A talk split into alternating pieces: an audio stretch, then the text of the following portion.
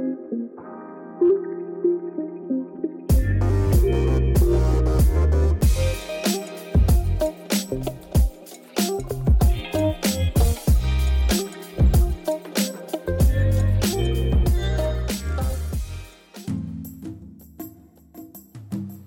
Türkiye genelinde soğuk hava hüküm sürerken sokağa çıkma kısıtlamalarıyla da birlikte keyifli bir hafta sonu geçirdik evlerimizde. Haftanın ilk gününe başlarken önce geçtiğimiz haftayı sizin için özetleyelim, öne çıkan haberleri hatırlatalım istedik. Kısaca aktarmak gerekirse 2020'ye dair toplam araştırma sonuçları elimize ulaşmaya başladı. Bunun yanında Avrupa ülkelerinin hükümetlerinde de çatlaklar oluşmaya başladı. Haftanın en merak edilen konularından olan Navalny'nin dönüşü ise bültenimizin en sonunda yer alıyor. Şimdi hazırsanız hep birlikte bültenimize başlayalım. Kırgızistan'daki ikili seçimden zaferle çıkan Yolsuzluğu Önleme Ajansı'nın eski başkanı Sadir Kaparov oldu. Oyların büyük çoğunluğunu alan Kaparov ikinci tura gerek kalmadan ülkenin cumhurbaşkanı oldu.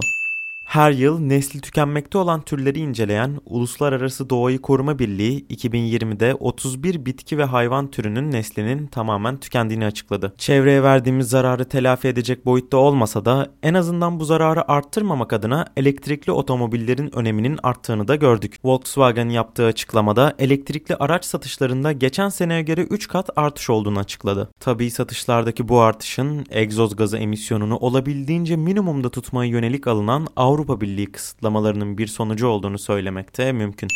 Fransa'da Adalet Bakanı Eric Dupont-Moretti hakkında yasa dışı menfaat sağlama suçlamasıyla soruşturma açıldı. Cumhuriyet Adalet Mahkemesi tarafından yapılan soruşturma Fransa'daki hakim sendikalarının şikayetlerinden sonra başlatıldı. Ayrıca mahkeme Antikor adıyla bilinen Yolsuzlukla Mücadele Derneği'nin bakan hakkındaki şikayetlerini de değerlendirecek.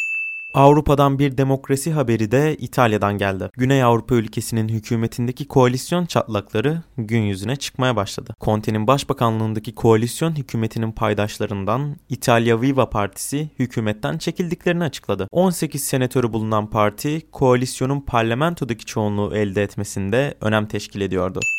Avrupa hükümetlerinin talihsizliği Cuma günü de Hollanda'ya sıçradı. Mark Rutte liderliğindeki koalisyon hükümeti çocuk yardımları ile ilgili skandal sebebiyle istifa etti. 16 Mart'ta genel seçime gidecek Hollanda'da bir önceki koalisyon döneminde sosyal işlerden sorumlu bakan olan Muhalif İşçi Partisi lideri Lodewijk Asscher de skandala karıştığı gerekçesiyle Perşembe günü istifa etmişti.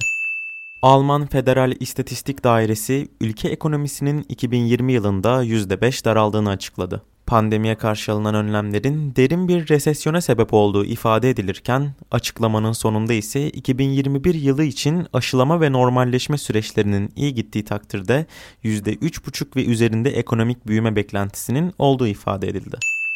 Hafta içinde pazar günü memleketi Rusya'ya döneceğini açıklayan Rus muhalif lider Alexei Navalny, Berlin'den 14.30'da kalkan uçağa bindi. Uçağın iniş yapacağı havalimanında yüzlerce polisin nöbet tuttuğu ve Navalny destekçilerinin de toplandığı biliniyor. Rus hükümeti Navalny'nin döndüğü takdirde tutuklanacağını açıklamıştı ve keza öyle de oldu. Navalny havalimanına adımını atar atmaz gözaltına alındı. 5 ay önce neredeyse hayatına mal olan zehirlenmenin Rus yetkilileri tarafından yapıldığı neredeyse kesinleşmiş olsa da 44 yaşındaki Navalny korkuyor musunuz sorusuna korkmuyorum burası benim evim son 5 ayın belki de en güzel anını yaşıyorum cevabını verdi. Bugünlük bu kadar diyelim.